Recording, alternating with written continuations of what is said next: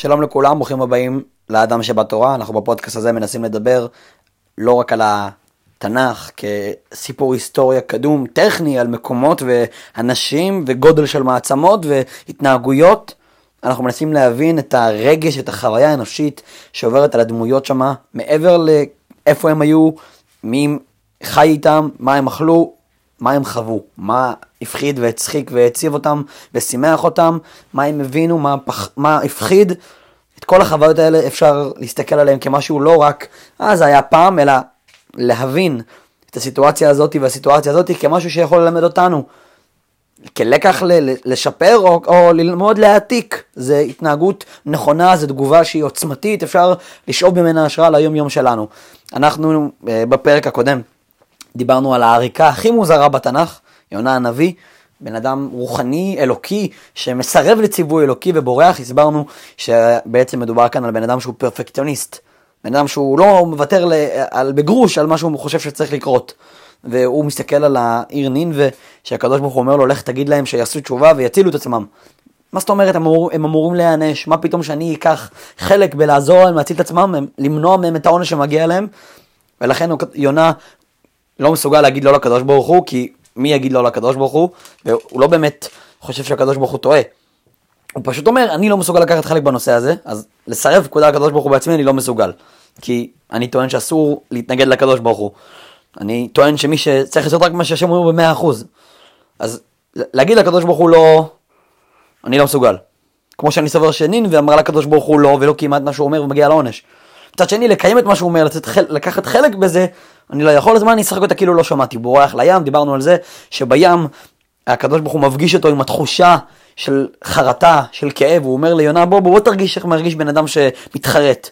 הוא שם את יונה בתוך דג לשלוש ימים, יונה בגלל שהוא כל כך אה, אה, חדור מטרה שמי שצריך להיענש צריך להיענש, הוא מוכן שיזרקו אותו לים, מגיע לי עונש אז מגיע לי עונש, אני כמו נינווה, ובתוך הים, בתוך הדג הוא מרגיש את ה... וואי, זה מה שמרגיש בן אדם שרוצה להתחרט על העבר שלו, זה מה שמרגיש בן אדם שכואב לו, שהוא רוצה להתנקות ולהמשיך הלאה. אני מבין עכשיו את הכאב הזה, אני מבין מה מאפשר למחוק על חטאים, מה מאפשר לא להיות פרפקציוניסט ולוותר, אלא לדעת שנפלתי, חטאתי, בואו נמשיך הלאה.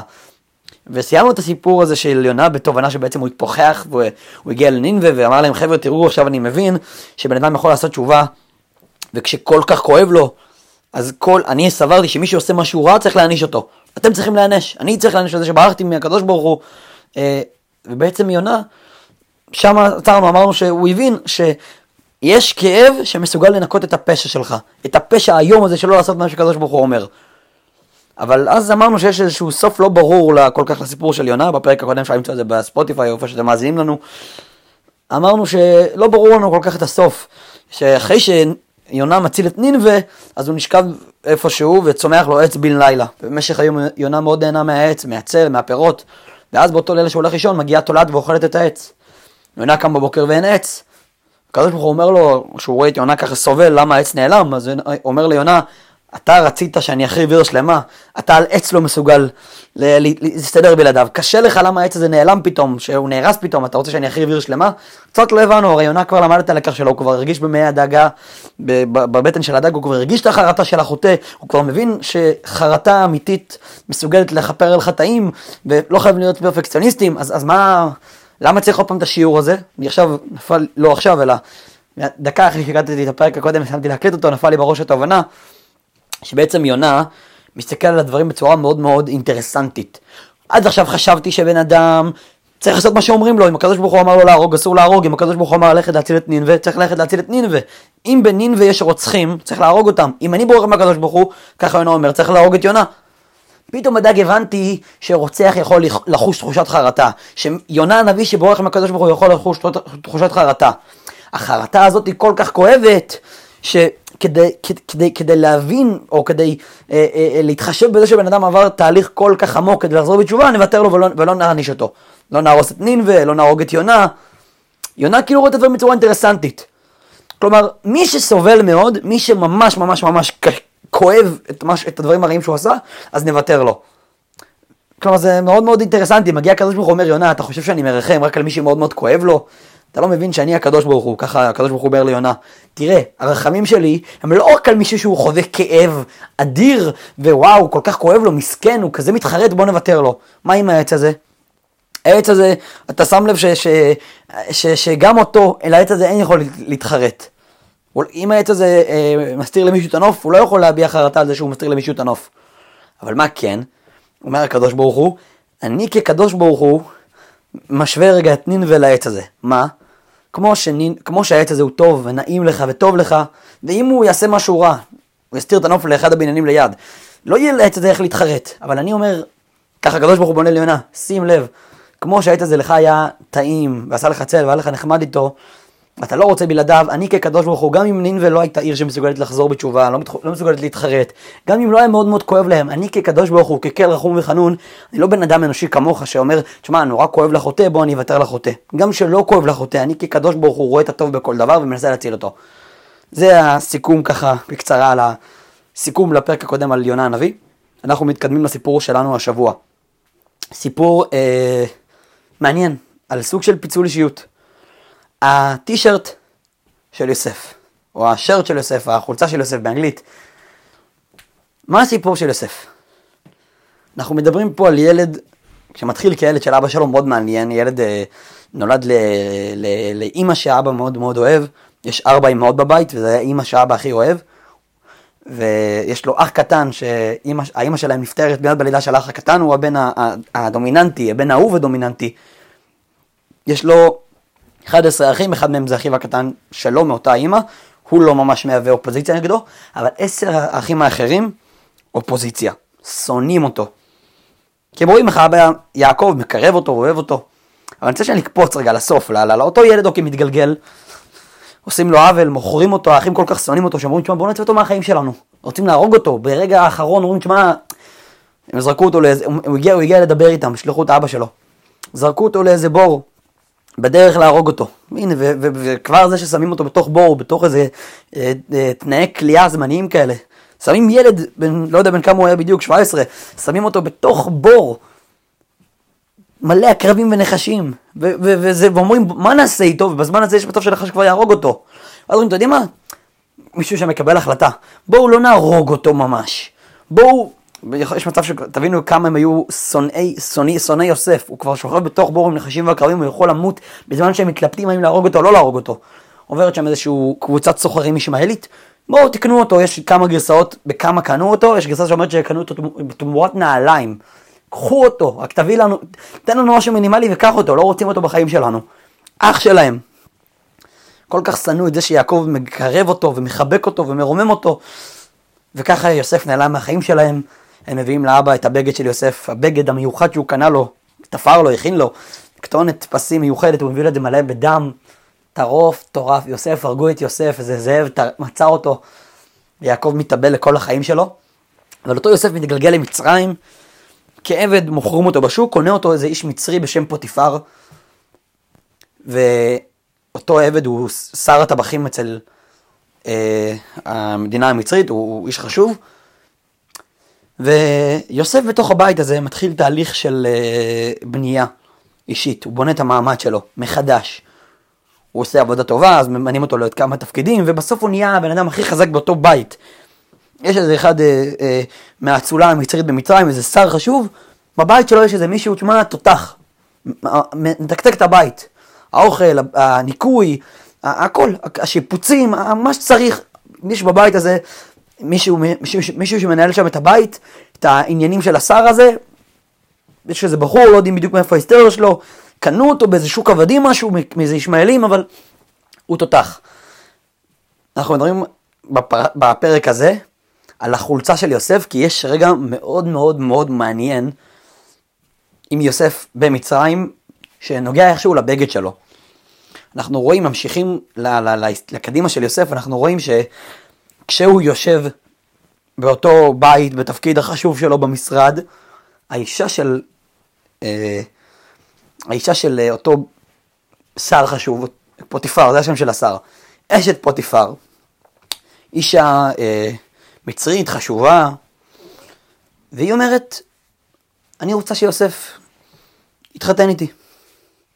אני רוצה שיוסף בעצם יהיה חלק מהחיים שלי. והיא פונה ליוסף כמה וכמה פעמים ומנסה לשדל אותו, ולא מצליחה. באיזשהו שלב יום אחד היא מחליטה שהיא לא משאירה לו אופציה אחרת, אף אחד לא היה בבית, כולם הלכו לעבוד את הנילוס. והיא באה אליו ואומרת לו, יוסף בוא, בוא.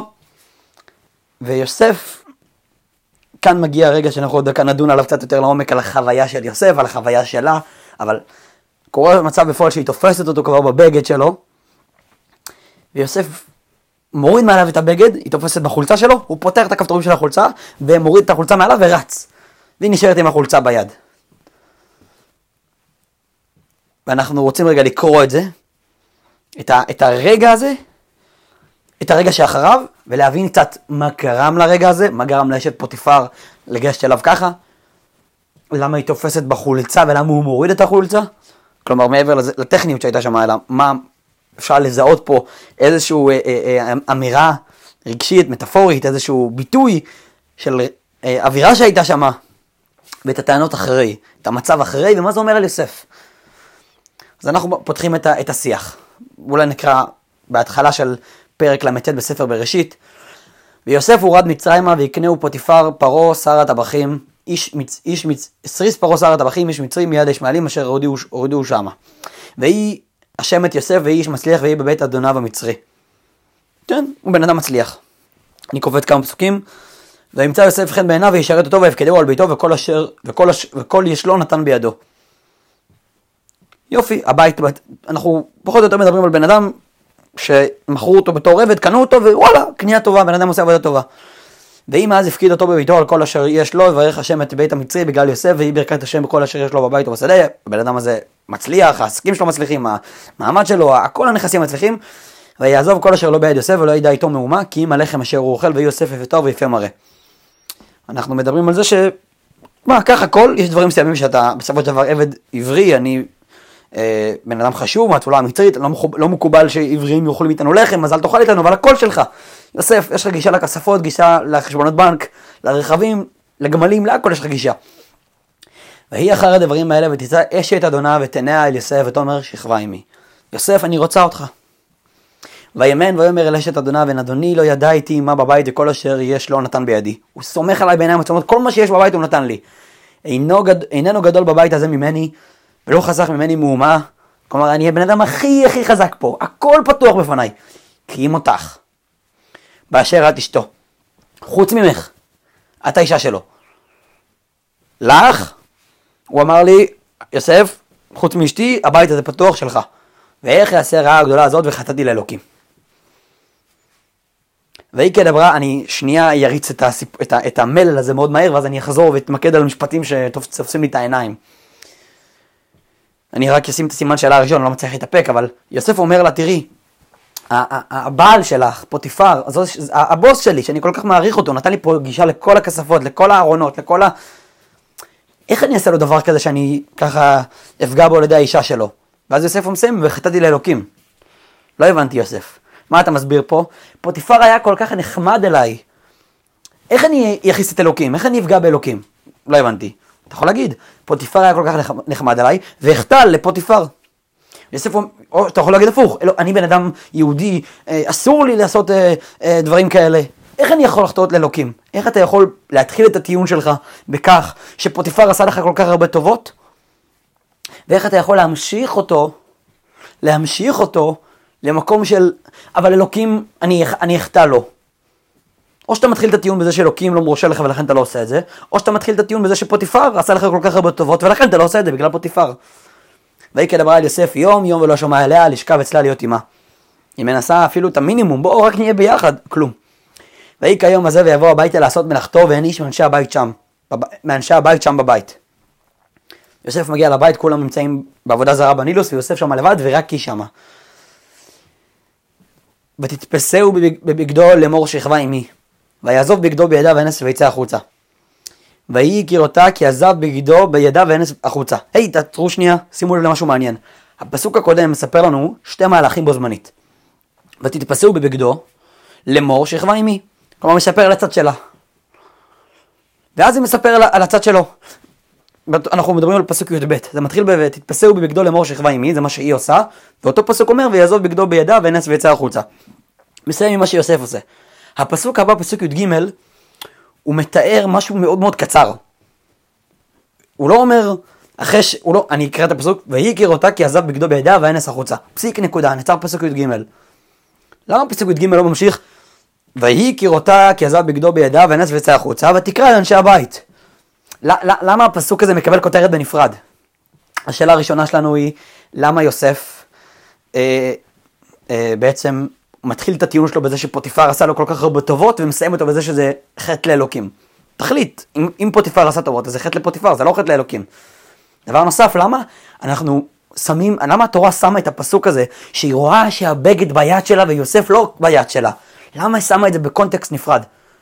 זה חלק, מת, זה חלק מתיאור כללי.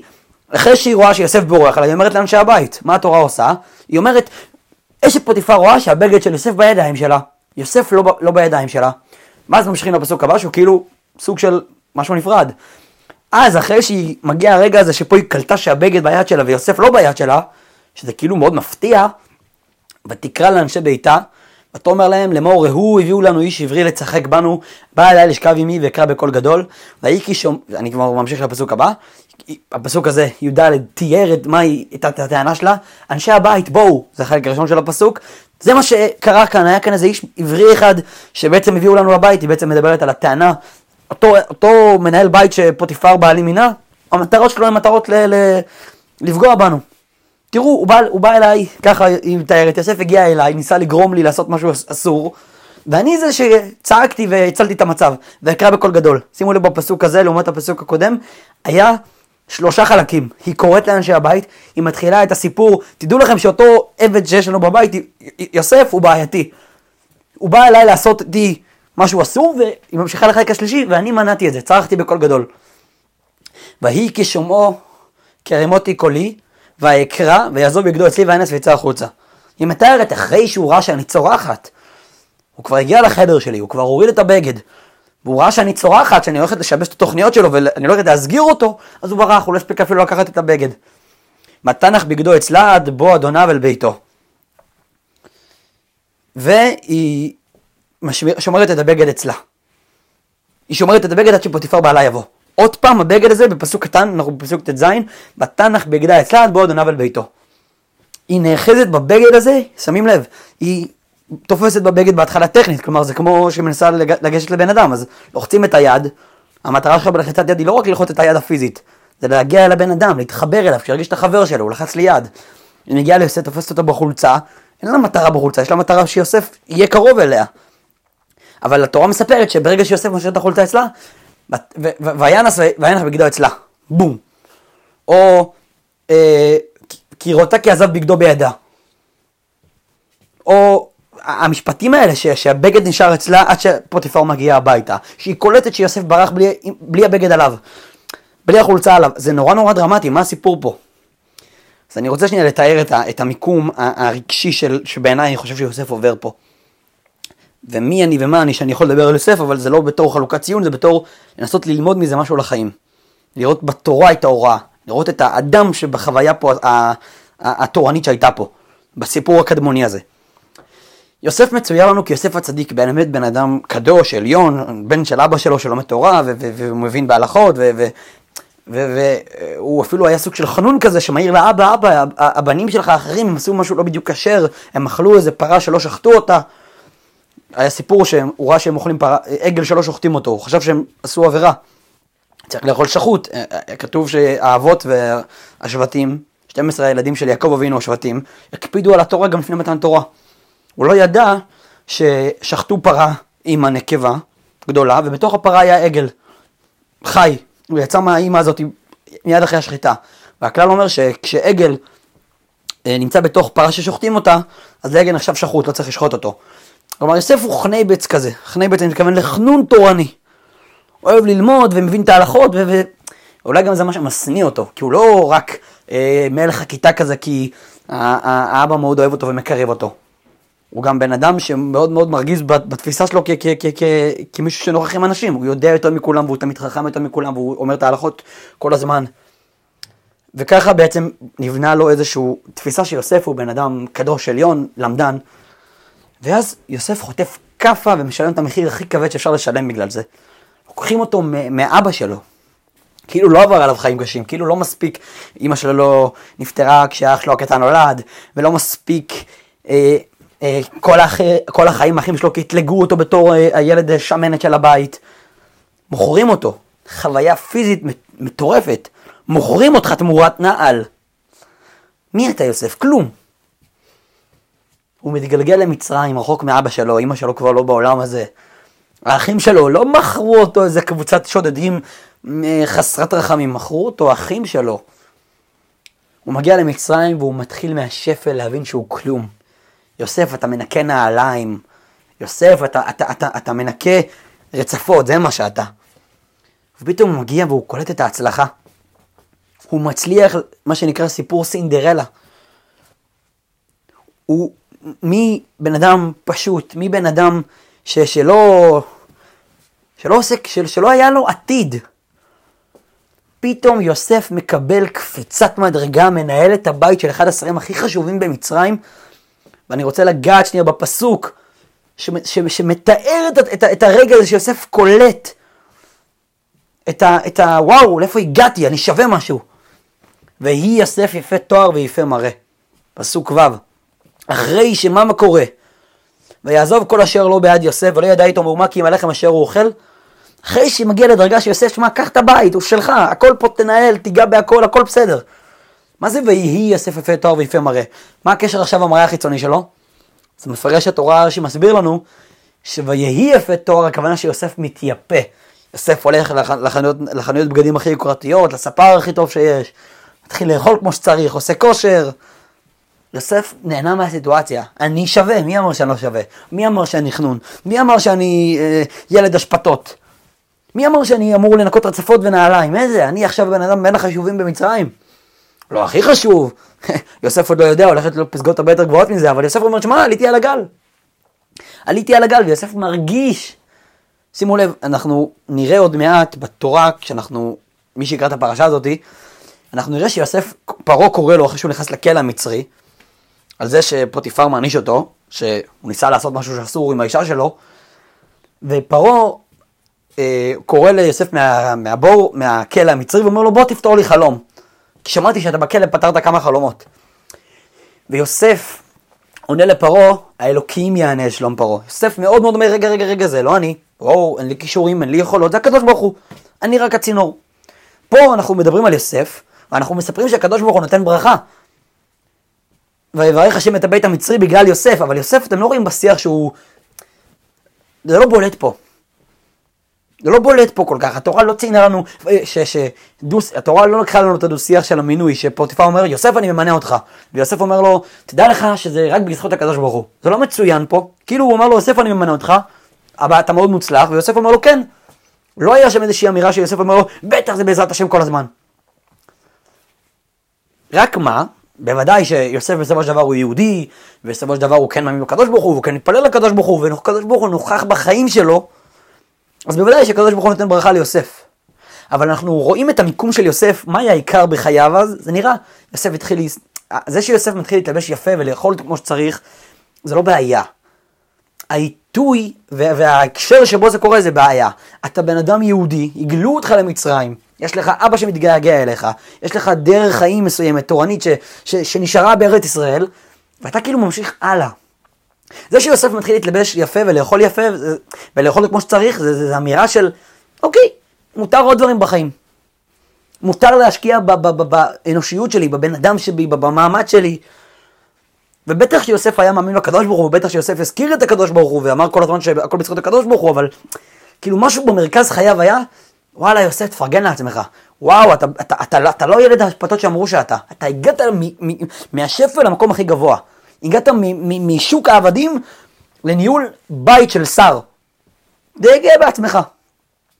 כל הכספות פתוחות בפניך, תהיה גאה בעצמך. תיתן לעצמך. פתאום יוסף מרגיש את עצמו. אני יוסף, מה שנקרא, אחלה גבר. תותח. וכתוב, רש"י אומר שבגלל שהוא הרגיש כל כך טוב עם עצמו, אז הקדוש ברוך הוא אמר בוא אתה ככה מתרועע בכזאת נוחות עם המצב הזה. בוא, אני אתן לך את, את האתגר הזה. בוא, קח, תבוא אליך עכשיו יש את פוטיפר, האישה, ותנסה לפתות אותך. וזה בדיוק מה שגורם לאשת פוטיפר לעשות את מה שעושה לה. ניתחנו, אמרנו שנדבר על זה, מה גורם לזה לקרות. אשת פוטיפר היא אישה עם ראש על הכתפיים. מה, מה היא חושבת לעצמה? היא תיגש לבן אדם שיש לו אמון מלא עם בעל הבית ותעשה איתו משהו אסור וזה יעבור בשקט? השתגעת על כל הראש, הבן אדם הזה הוא, הוא, הוא איש הסוד של בעלך. חבר הכי טוב שלו אפשר לומר, אז מה, מה פתאום את עושה דבר כזה? אלא, אלא, ומה שאני אומר עכשיו מקבל חיזוק מהתורה עצמה, אחרת הייתי נזהר מלהגיד דבר כזה, אבל זה איזושהי הבנה אישית שאני מזהה, וכשאני רואה את, מה, מה, מה רש"י מפרש התורה בעצמו אומר בהמשך, אז אני מקבל חיזוקו, אפשר להגיד דבר כזה, זה לא מופרך. יוסף בעצם סוג של מתקלקל, סליחה על הביטוי. סוג של כאילו, מתחיל להיות עמום לו בדיוק המטרות בחיים הדתיות או הלא דתיות. יוסף קצת, קצת פוגש את, את, העולם, את העולם החדש. וואלה, ניסיתי את החיים הקודמים, הייתי, מה שנקרא, יושב ולומד תורה כל היום, הייתי ההוא שמעיר כל הזמן לאלה שלא עושים בדיוק מה שההלכה אומרת, ראיתי איך זה נגמר. פתאום פה במצרים יש לי חיים חדשים, אף אחד לא יודע את ההיסטוריה שלי. אני הגעתי, יוסף מתרגש. אתם יודעים מה זה לבן אדם שבחיים לא אכל שוקולד, ילד אפריקאי לקבל קוביית שוקולד? זה בום, זה, זה, זה, זה, זה כמו לבן אדם שלא גומר את החודש לזכות בלוטו במיליארד דולר. יוסף פתאום מקבל כבוד. אתה יוסף מעניין אותנו, אתה, אתה איש עסקים מוצלח, אתה מנהל מוצלח, אתה, ואתה גם נראה טוב. כתוב שהאנשים במצרים היו אה, חותכות ירקות שיוסף היה עובר, והיו חותכות את האצבעות בטעות מרוב שהיו מאופנתות למראה של יוסף. זה יוסף, חתיך, נראה טוב ומתלבש טוב, וזה לא, זה לא רק המראה, זה דמות מצליחה. זה בן אדם מצליח, שווה להיצמד אליו. והיה שפוטיפר אומרת, וואו, יוסף, עזבו את זה שנייה שהוא נראה טוב, אבל אין סיכוי שבחיים הוא, הוא, הוא יעשה משהו שאסור. הבן אדם הזה יודע ליהנות. הבן אדם הזה יודע ל, ל, ל, לממש את עצמו. אם אני אפנה אליו ואני אציע לו משהו כזה וכזה, הוא יעשה את זה. כי הוא לעניין, אני רואה איך הוא מתלבש, אני רואה, הוא משקיע בלבוש שלו, הוא משקיע באיך הוא נראה, הוא משקיע באיך הוא נהנה. אז אם אני אציע לו ליהנות, הוא איתי, עם אישה כל כך חשובה, עם אישה כל כך מיוחדת, שנראית כל כך טוב, אז אשת פטיפר אומרת, הבן אדם הזה כבר, אני מזהה אותו, ומה היא מזהה את זה? והיא יוסף יפה תואר ויפה מראה. ורש"י מסביר שהוא התלבש יפה והסתפר יפה. אני רואה על איך הוא מתלבש. הלבוש אומר הכל אומרת אשת פוטיפר. יוסף נמצא במקום שבו אם אני מציע לו דבר כזה, הוא כל כך מחובר להנאה הרגשית שלו, שהוא רוצה ליהנות, והוא כל כך יודע לקייף, והוא כל כך יודע לבלות, והוא כל כך בן אדם חזק ומדהים ועוצמתי, שהוא ייקח את זה. הוא לא יגיד לפוטיפר, הכל יהיה בסדר, ככה שפוטיפר אומרת. היא מחשיבה את המראה החיצוני, את ההתנהגות החיצונית, כמשהו שמשליך על מי אתה. אם הוא מתלבש יפה, אם הוא מתלבש בצורה ש, אה, אה, של, של יופי ושל אה, רב, להרהיב, תראו כמה אני יפה, כמה אני יודע להתלבש יפה, כמה אני בסטייל, כנראה שהוא גם במקום הרגשי שלו, במקום הנפשי שלו, גם כן רוצה להראות את היופי שלו, רוצה לראות יופי אחר, זה, זה המיקום שלו. עכשיו, למראה חיצוני יש המון משמעות על הפנימיות, אבל זה לא קובע הכל. זה מה שהמסקנה של, שלנו, של הפרק הזה, הולכת להסיק, עוד שניה נראה איך בדיוק. ולכן היא ניגשת ליוסף. וכתוב, רש"י מסביר, ש, שיוסף אה, כמעט הסכים. כמעט הסכים, אם, אם מסתכלים פה על הפסוקים, אנחנו רואים את יוסף, ועכשיו, שיוסף, אני אגיד רגע מה רש"י אומר, שהוא על בסיס רש"י הזה, שזה מפרש תורה קדמון, אה, קדוש עליון, שעליו אפשר ככה להתבסס ולהיות בטוחים שמה שאנחנו אומרים זה לא איזשהו אה, הגיג אנושי, אלא באמת אה, תורת אלוקים חיים. רש"י אומר שיוסף כמעט בא לעשות את הדבר עבירה, ואז פתאום הוא ראה צללית של אבא שלו, דמות יוקנו של אביו נגלתה לו, זה כמו בן אדם שבא אה, אה, אה, לגנוב, ואז פתאום הוא רואה צללית של הילד הקטן שהוא גונב לו את האוכל עכשיו. אז נרגע, הוא אומר, תשמע, לא, לא, לא, אני פתאום, אני מדמיין לעצמי בראש איך, איך ירגיש הילד הקטן שגר פה, שלא יהיה לו מה לאכול, בגלל שאני עכשיו גונב לו את הלחם. לא רוצה. יוסף בא לעשות את הדבר עבירה, פתאום נגלה לו דמות יוקונו של אבא שלו. צללית של איך אבא שלך היה מרגיש, אבא שלך, זה שאתה אוהב אותו, וזה שלימד אותך תורה כל החיים, איך הוא היה מרגיש אם הוא ידע שעשית דבר עבירה. לא, לא, לא, לא, לא, אני לא רוצה. אבל יוסף כמעט רצה. ברגע האחרון, בדקה ה-90 היה גלגל הצלה שהוא פתאום נזכר באבא שלו. היה לו מצפון, אבל בלי המצפון הזה, יוסף לא אומר, צאי מהחדר, אני לא רוצה לדבר איתך בכלל. יוסף אומר, יש מצב, רגע, לא, לא, פתאום אני עכשיו נזכר באבא שלי. לא תודה. כאן מגיע המבט שלי על הפסוק, אני קורא את הפסוק, אני מסתכל, מה יוסף אה, מסביר לה. איננו גדול בבית הזה ממני, ולא חשך ממני מהומה, כי אם אותך באשר את אשתו. זה נכון שהוא מסביר לה טכנית, שמי, מותר לי הכל חוץ מאותך. אבל יוסף גם בעצם משוויץ פה. היא אומרת לו, יוסף, אתה כזה גבר, אתה כזה בן אדם חזק, אתה כזה נראה טוב, בוא, בוא. ויוסף עונה לה, את יודעת, אני באמת בן אדם חזק, אני, תראי מה אני מנהל פה. וכל הבית הזה פתוח בפניי. ורק אותך הוא לא מורשה לי. יוסף כאילו מדגיש לה, כן, אני עוצמתי עד כדי כך, שחוץ מאותך הוא יורשה לי כמעט הכל. ואולי אפשר לזהות פה בדברים איזשהו סוג של כאילו אמירה של כן, אני מאוד מאוד עוצמתי, אני מאוד מאוד חזק, ומה, אותך לא מגיע לי? למה, מה קרה? יוסף בעצם, נכון שאולי הפסוק בא להגיד בצורה טכנית, אה, אה, שיוסף אומר לה את החוזה החתום שלו עם פוטיפר, מותר לי לנהוג בכל הרכבים, אסור לי להיות איתך ביחד. אבל בעצם יוסף אומר משהו יותר עמוק. אם אני קצת מתחיל לפסק את, ה, את הפסוק, ואני מנסה ככה למצוא בין השורות את ה, מה שרש"י אומר, שהוא בהתחלה רצה וברגע האחרון היה לו מצפון, ויוסף אומר, אומר ככה, אני בן אדם חזק, בבית הזה מותר לי הכל, אותך אסור לי. ואז יוסף כביכול בא להגיד את, ה, את ההצעה שלו, או, או, או, או, או את התגובה שלו למה שהיא מציעה, רק אותך אסור לי. אתה יודעת מה עכשיו שאת אומרת לי, שאת רוצה, אולי אני, אבל יוסף בדקה האחרונה מקבל את המצפון, רואה את אבא שלו בדיוקן, אומר, איך אעשה הרעה הגדולה הזאתי וחטאתי לאלוקים. כלפי פוטיפר, יוסף מרגיש שהוא כביכול, רגע, את, את טוענת שאני גבר מרשים, שאני חכם, שאני יפה, שאני נראה טוב, שאני, שנראה לך שאני בקטע, ש, שאני אוהב ליהנות ואני אוהב לקייף. וואלה, צודקת. תראי איזה בן אדם חזק אני, תראי איזה עוצמה אני, אני, אני ניהלתי פה את הבית, אני מנהל פה את הבית, הכל מגיע לי. מי זה פוטיפר הזה שמינה אותי? תראי, תראי, איזה, תראי איך אני מנהל לו את העסק. את רוצה? וואלה, למה לא מגיע לי בעצם? פוטיפר, שימו לב, הוא, הוא לא מזכיר את פוטיפר כסיבה לא לעשות את זה. הוא לא אומר, פוטיפר נתן לי את הבית, איך אני אבגוד בו? הוא אומר משהו הפוך, הוא אומר, פוטיפר נתן לי את הבית. אבל פוטיפר, והוא לא, לא משלים ואומר איך אני אבגוד בו, הוא לא מזכיר את פוטיפר כ- כ- כמשהו ש- שהוא מפחד לפגוע בו. פוטיפר שייפגע, אני, מגיע לי יותר ממה שפוטיפר מק... נותן לי. מגיע לי גם אותך. אבל בדקה האחרונה נכנס לו מצפון וחטאתי לאלוקים. עזבי שנייה את פוטיפר, אם את, אם את מדברת על מי אמור להיות אה, אה, אה, הבן אדם החזק בבית הזה ולקבל גם אותך, אולי אני באמת אמור לקבל גם אותך, אני יותר חזק ממנו. אני מנהל פה את כל הבית, רק אותך לא מגיע לי. אבל חטאתי לאלוקים, אבל יש לי מצפון יותר עמוק מזה.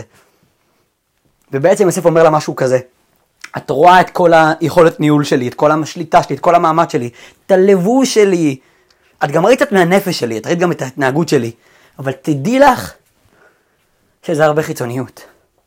תדעי לך שאני בעצם ילד שסך הכל רוצה באיזשהו מקום, אני, אני, אני לוקח שנייה את ה... יש כאן בעצם שתי הגדרות של יוסף. ילד צדיק שמגיע למצרים ונעשה בן אדם קצת שפוגש את העולם בצורה פחות, אה, נקרא לזה, אה, נקייה. הוא פתאום, אם עד עכשיו לא עניין אותו לבוש, ולא עניין אותו מראה, ולא עניין אותו הנאות, ולאכול ולשתות, פתאום כן מעניין אותו איך הוא נראה, מעניין אותו ביגוד, מעניין אותו תספורת, מעניין אותו אוכל, בשר ויין. אז זה המעבר הרוחני, מבן אדם קדוש לבן אדם קצת יותר אנושי, קצת יותר גשמי, קצת יותר גס. יש כאן עוד מעבר. מילד מנודה חברתית, לילד, ילד, נער, עילוי, אהוב הקהל. מספר אחד, נאמבר וואן, מנהל מספר אחד.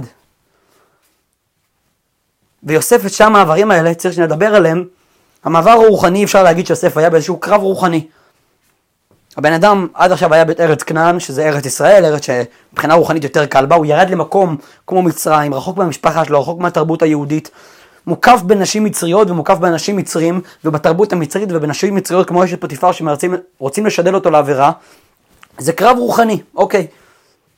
אז על הקרב הרוחני הזה יוסף עומד בו בגבורה, הוא מסרב ובורח אליו. אני אדבר שנייה על, על בעצם, על טענה רגשית שאני מזהה פה. עזבו שנייה את זה שיוסף אומר לה, תראי, אני, בא לי, אבל לא, אבל יש לי תפקיד רוחני ואלוקי, הקדוש ברוך הוא לא מורשה לי, אבא שלי לא היה שמח שאני אעשה את זה, אני לא עושה את זה. יש כאן משהו יותר עמוק. יוסף אומר לה, תראי, מה שאני אעשה איתך עכשיו, שאני נפגש איתך ואת רוצה שנעשה דבר עבירה, בעצם, אומר לה יוסף, זה לא אמיתי. זה שאני מסתפר יפה, זה שאני מתלבש יפה, זה שאני אוכל טוב, וואלה, זה לא אמיתי. את טועה, את אומרת לי, יוסף, אתה אוהב את הדברים האלה, אתה טוב בדברים האלה, אתה כזה, בוא, אתה מגיע לך. זה לא אני. זה כמו אה, ילד שאומר שהוא רוצה חטיף. אמא, אני רוצה לאכול שניצל, ואחרי זה אני רוצה שתביא לי ביסלי, אחרי השניצל. ואמא שלו אומרת לו, לא. הוא אומר, אז אני לא אוכל בכלל. רואה אותו מישהו מהצד, אומר, שמע, אתה ילד שלא אוהב לאכול. אומר הילד, לא, לא, אני מאוד אוהב לאכול, פשוט אני עכשיו בפרינציפ, אני רוצה להראות לאמא שלי שאם היא לא מביאה לי את החטיף, אז אני לא מקבל, אז, אז אני לא אוכל את השניצל. אם היא רוצה שאני אוכל שניצל, תביא לי חטיף. מגיע אשת פוטיפר ליוסף, שהוא בדיאטה, ואומרת לו, בוא, בוא, יוסף, אתה, אתה לא אוהב לאכול, אז בוא, אל תאכל איתי, כביכול. יוסף אומר לו, לא, לא הבנת, אני לא באמת לא אוהב לאכול. אני פשוט לא, אני פשוט רוצה שאחרי שאני אוכל, אני אקבל את החטיף. אני אקבל את הביסלי, את הבמבה. אם אני שנייה לוקח את הדוגמה של הילד הקטן עם הביסלי והבמבה אחרי השניצל, אני מתכוון להגיד, יוסף אומר, תשמעו, אני, אני מאוד רוחני, אני אוהב ללמוד תורה, אני אוהב לקיים מצוות, אני לא רוצה לעשות עבירות, לא רוצה להיות איתך, לא רוצה לעשות איתך דבר עבירה. אה, אז למה, אז למה אתה מתנהג כאילו אתה כן רוצה? למה אתה מתלבש כמו אחד שאוהב דברי עבירה? דברי עבירה אני מתכוון למה שאשת פוטיפר רצתה. למה אתה מתנהג ככה? למה אתה אוכל ושותה? למה אתה מתנהג כאילו ההנאה שלך, הכיוף שלך, המראה שלך, כל הדברים האלה זה מרכז חייך. יוסף אומר, אני רוצה שיכבדו אותי. אני רוצה לאכול את השניצל, ואחריו חטיף. אני רוצה להיות ילד, או ילד, או בחור, או נער, או אדם רוחני, שלומד תורה ומקיים מצוות, אבל שמכבדים אותו, שמעריצים אותו, שמחבקים אותו ומנשקים אותו, האחים שלו, ולא זורקים אותו לבור, ולא מוכרים אותו, לא כמעט הורגים אותו, ולא מספרים לאבא שהרגו, שאיזה זאב טרף אותו, משקרים במצח נחושה, כאילו אני לא אח שלכם. יוסף אומר, הגעתי לכאן למצרים, ופתאום אני רואה שיכולים לאהוב אותי, ויכולים להעריך אותי, ויכולים לכבד אותי, ואני יכול להיות נערץ, ואנשים ירצו להתחתן איתי, ואת תרצי לעשות דבר עבירה איתי. פתאום מביאים לי את החטיף, פתאום מביאים לי את מה שאני כל כך רוצה. אבל מה אומרים לי? תשמע, אבל, אבל, אבל, אבל זה בגלל שאתה אתה כל כך מתנהג בצורה של, של הנה, תראו אותי, אני מגניב, אני, אני חתיך, אני נראה טוב, אני מתלבש טוב. סוף אומר, אני רק רציתי שיכבדו אותי. לא רציתי שיכבדו אותי בגלל שאני בן אדם שמתלבש יפה.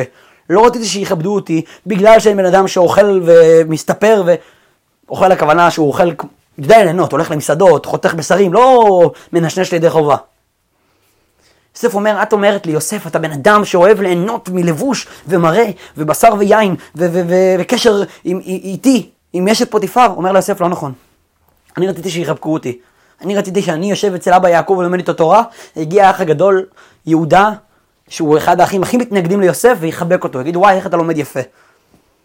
לא מצאתי את זה. כשאני ישבתי ולמדתי תורה אצל אבא יעקב, שאני כל כך אוהב ללמוד תורה, דחפו אותי מכל המדרגות, מכרו אותי להיות עבד. אז עכשיו פה במצרים אמרתי, אני לא אחזור לאותה טעות, אני לא יושב ולמד תורה. אני אעשה את הצד השני. אני אוכיח שאני גבר כמוהם. אני מגניב כמוהם, אני יודע להתלבש יפה, אני יודע לאכול, אני יודע לקייף, אני, אני, אני יודע הכל. למה? כדי שאני אקבל חיבוק. עכשיו מבין לי את החיבוק, אבל מה אומרים לי? טוב, קח את החיבוק, אבל בוא, בוא תהיה כמוני. בוא תתלבש כמוני, ובוא תתנהג כמוני, ובוא תקייף כמוני. אומרת לו של פוטיפר, בוא תהיה איתי. אומר ליוסף, בעצם אני לא רוצה. בעצם, במי שאני כבן אדם, אני לא רוצה. הכל היה פרינציפ. לא רוצה לעשות איתך דבר עבירה. יוסף אומר, אני הגעתי ל... ל אני, כולם חושבים שאני אה, אה, בן אדם, אה, אה, לא יודע, ליצן. לא נכון, באתי לאיזה, באתי לאיזה אירוע, כולם היו עם פרצופים של ליצנים, אז שמתי לעצמי מסכה. ואז אומרים לי, נו, אתה ליצן, תראה את הפרצוף שלך. אז אני מוריד את המסכה בפרצוף ואומר, חבר'ה, אני לא ליצן, רק רציתי להיכנס לפה. סוף אומר, רק רציתי שיאהב, שיאהבו אותי. לא באמת רציתי להיות ליצן. אני רק רציתי שיאהבו אותי, לא באמת רציתי לעשות איתך דבר עבירה. הכל זה כיסוי, זה בגד, ויוסף, היא תופסת אותו בבגד, היא אומרת לו, יוסף, היא תופסת אותו בחולצה היוקרתית, בחליפה היוקרתית, היא אומרת לו, יוסף, תראה איך אתה מתלבש, מה אתה מקשקש בשכל? תראה אותך. תראה את הצבעי פנים שלך, ככה היא אומרת לו, ויוסף רק לוקח את היד ומנגב את הצבעי פנים. יוסף לוקח את היד ומוריד את המסכה. יוסף לוקח את היד ומוריד את הבגדים. מוריד את הבגד עליון ואומר לה, את לא מבינה שהכל היה כיסוי? את חושבת שיוסף הוא ילד שרוצה לקייף ורוצה להתייבש, להתלבש יפה ולאכול במסעדות יוקרה ו- והוא לא רוחני והוא לא מקיים תורה ומצוות והוא רוצה לעשות איתך משהו רע. שאסור לו לעשות, את לא מבינה. יוסף לא רוצה. הכל היה כיסוי. רק בשביל שיאהבו אותו. ואז יוסף מוריד את הבגד בידיים שלה ובורח. אשת פוטיפר מחזיקה את הבגד.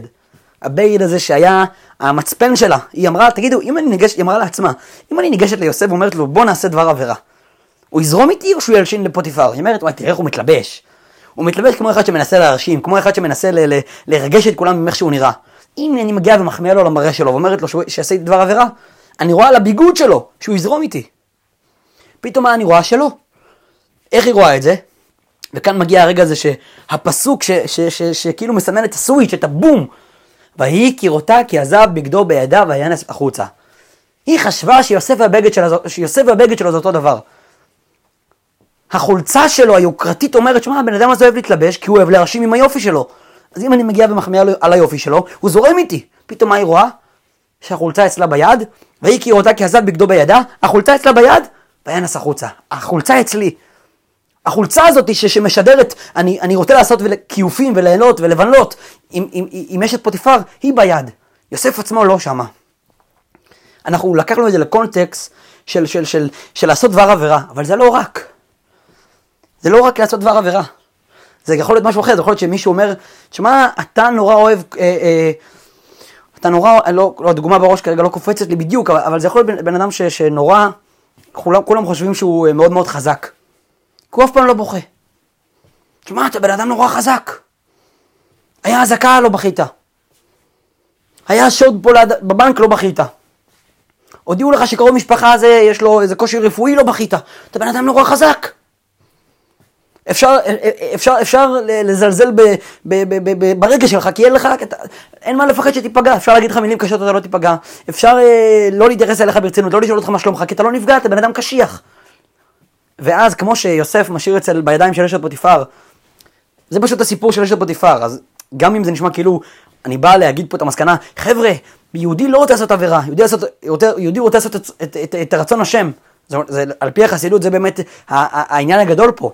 שיהודי מסוגל, למרות שהוא נמצא במקום אה, אה, רגשי ומקום בעייתי, הוא מסוגל להגיד חבר'ה תראו הכל כיסוי. זה שאני אוכל לא כשר וזה שאני לא שומר שבת וזה שאני אה, לא מקפיד על תורה ומצוות זה חיצוני. זה הגוף שלי שרוצה לענות. הנשמה רוצה באמת לחזור לקדוש ברוך הוא. רוצה לקיים תורה ומצוות, רוצה ללמוד תורה, זה מובן החסידות זה נכון. אבל אני מדבר לא רק על המובן הרוחני, הדתי, היהודי, אני מדבר גם במובן האנושי. אתה רואים את חבר שלכם, אתה אומר, שמע, הוא, הוא, הוא לא, אפשר, אפשר, אפשר, אפשר להגיד לו טמבל, הוא לא נפגע. אל תשאל אותו מה שלמה, זה בסדר, זה לא מפריע לו שלא שאלת אותו מה שלמה. לא נכון, לא נכון, לא נכון. גם יוסף היה נראה כלפי חוץ בן אדם שנורא נורא נורא חשוב לו לקייב וליהנות ולבנות. בן אדם שאם יציעו לו לזרום לאיזה משהו שאסור לעשות, הוא יזרום. הוא היה נראה בן אדם שמה שמעניין אותו זה ביגוד ותספורות ואוכל ומסעדות. לא. תראו מה קורה ברגע האמת. מגיעים אל יוסף עם החלום, אם יוסף תיארנו אותו כבן אדם בליין שאוהב להתלבש וליהנות, מגיעים אליו עם החלום הכי גדול שיכול להיות לבן אדם מהטיפוס הזה. בוא! מגיע אליך אישה אומרת לך בוא. ויוסף אומר, זה לא אני, זה הבגד, הנה. ושפוטיפר אומרת לו, אבל תראה איך אתה נראה. ודחת דקה היא מגלה שרק הבגד נראה ככה, ויוסף עצמו לא נראה ככה. ויוסף בורח החוצה. ואז יש את פוטיפר מנסה להסביר את עצמה.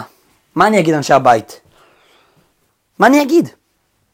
ושפוטיפר אומרת, אני יכולה להשתמש, כמו שהבגד הזה איתה אותי, אני חשבתי בגלל שהוא לובש חולצה כל כך יפה, שהבן אדם הזה אוהב להתייפות, הוא אוהב יופי, הוא, אם אני אבוא ויחמיא לו על היופי שלו, הוא יזרום איתי, כי זה מה שמעניין אותו, אני רואה על הביגוד שלו.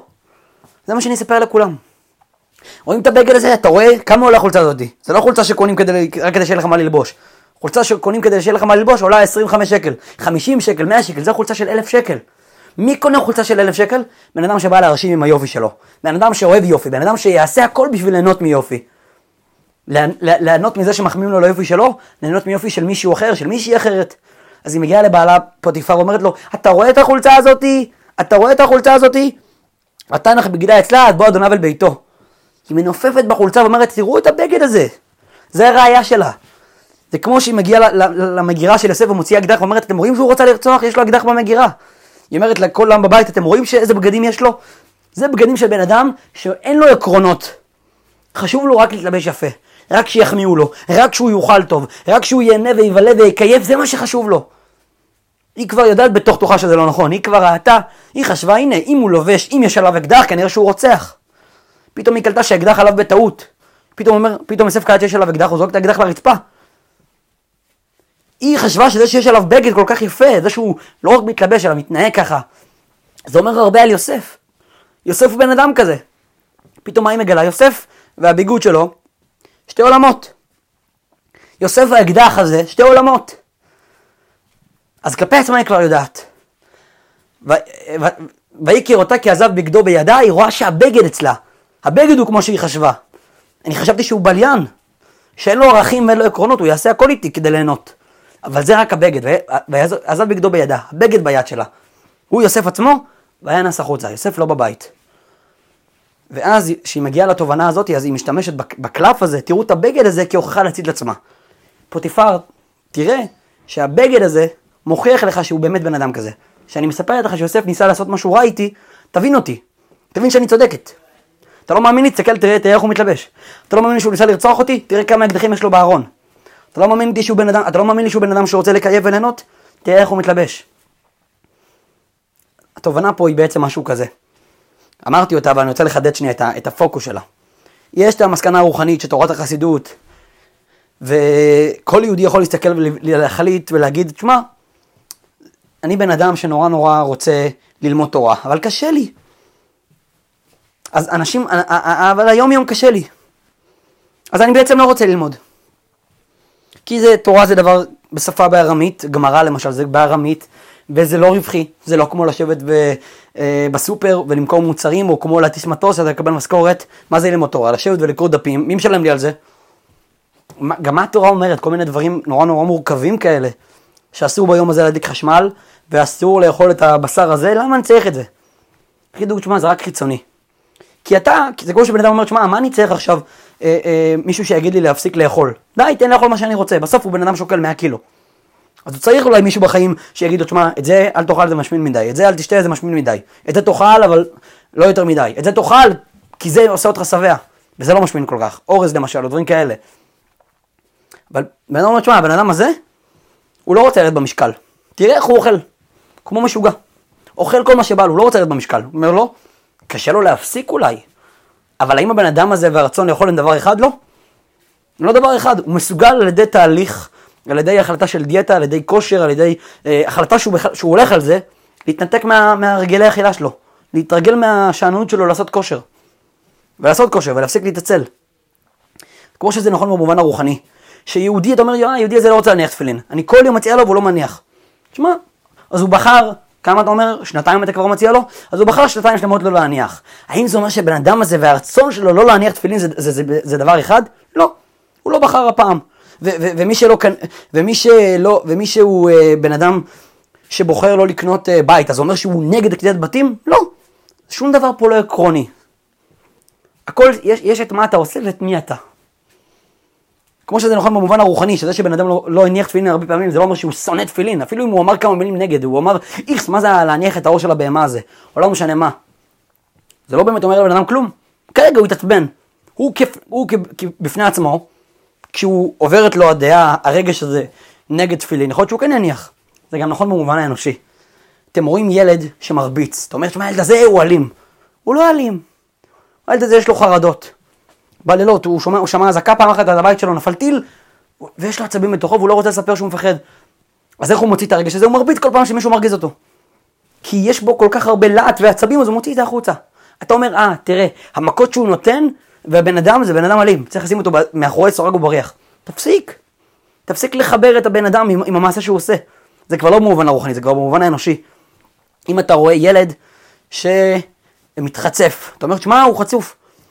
אם אתה רואה מישהו שהוא אה, מתלבש כמו קבצן, אתה אומר, שמע, אין לו מודעות עצמית, הוא, הוא בן אדם חולה. הוא בן אדם חולה, הוא פשוט, אין, אין מה לנהל איתו קשרים ולדבר איתו וכלום, הוא בן אדם מזוכיסט. פוגע בעצמו, לא אוכל בריא, מתלבש כמו לא יודע מה, הולך לישון ברחוב על ספסל, הוא בן אדם רע.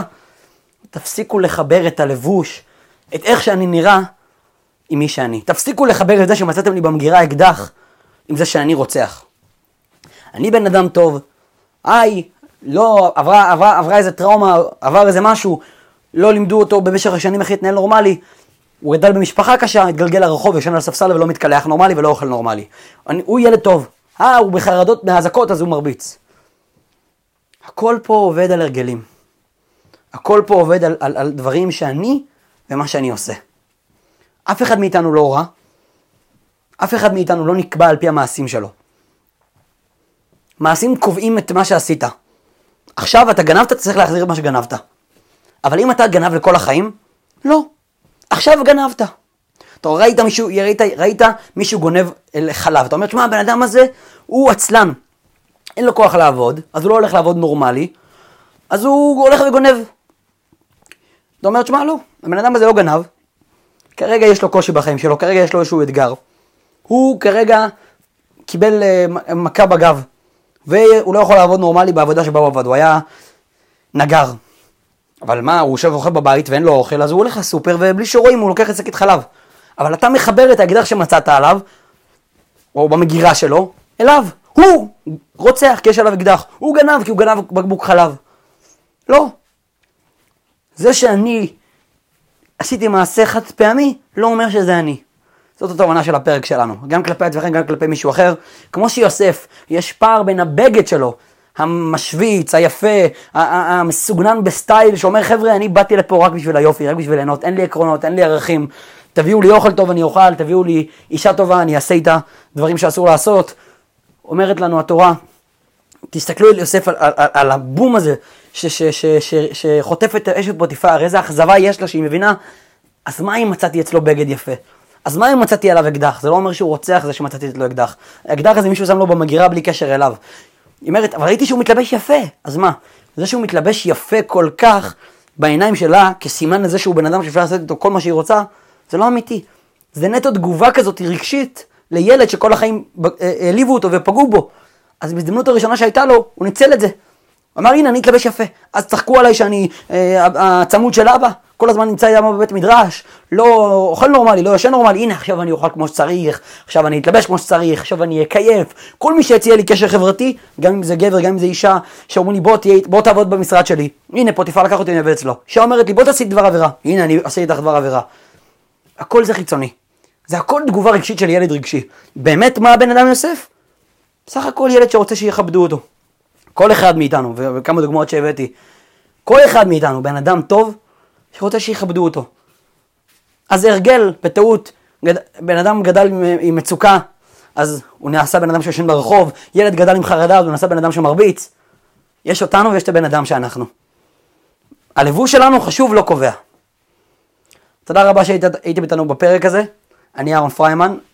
אני שמחתי להגיש את הנקודה הזאת על יוסף בפרק הזה, גם אם זה יצא קצת ארוך, זה היה מעניין ומרתק בעיניי.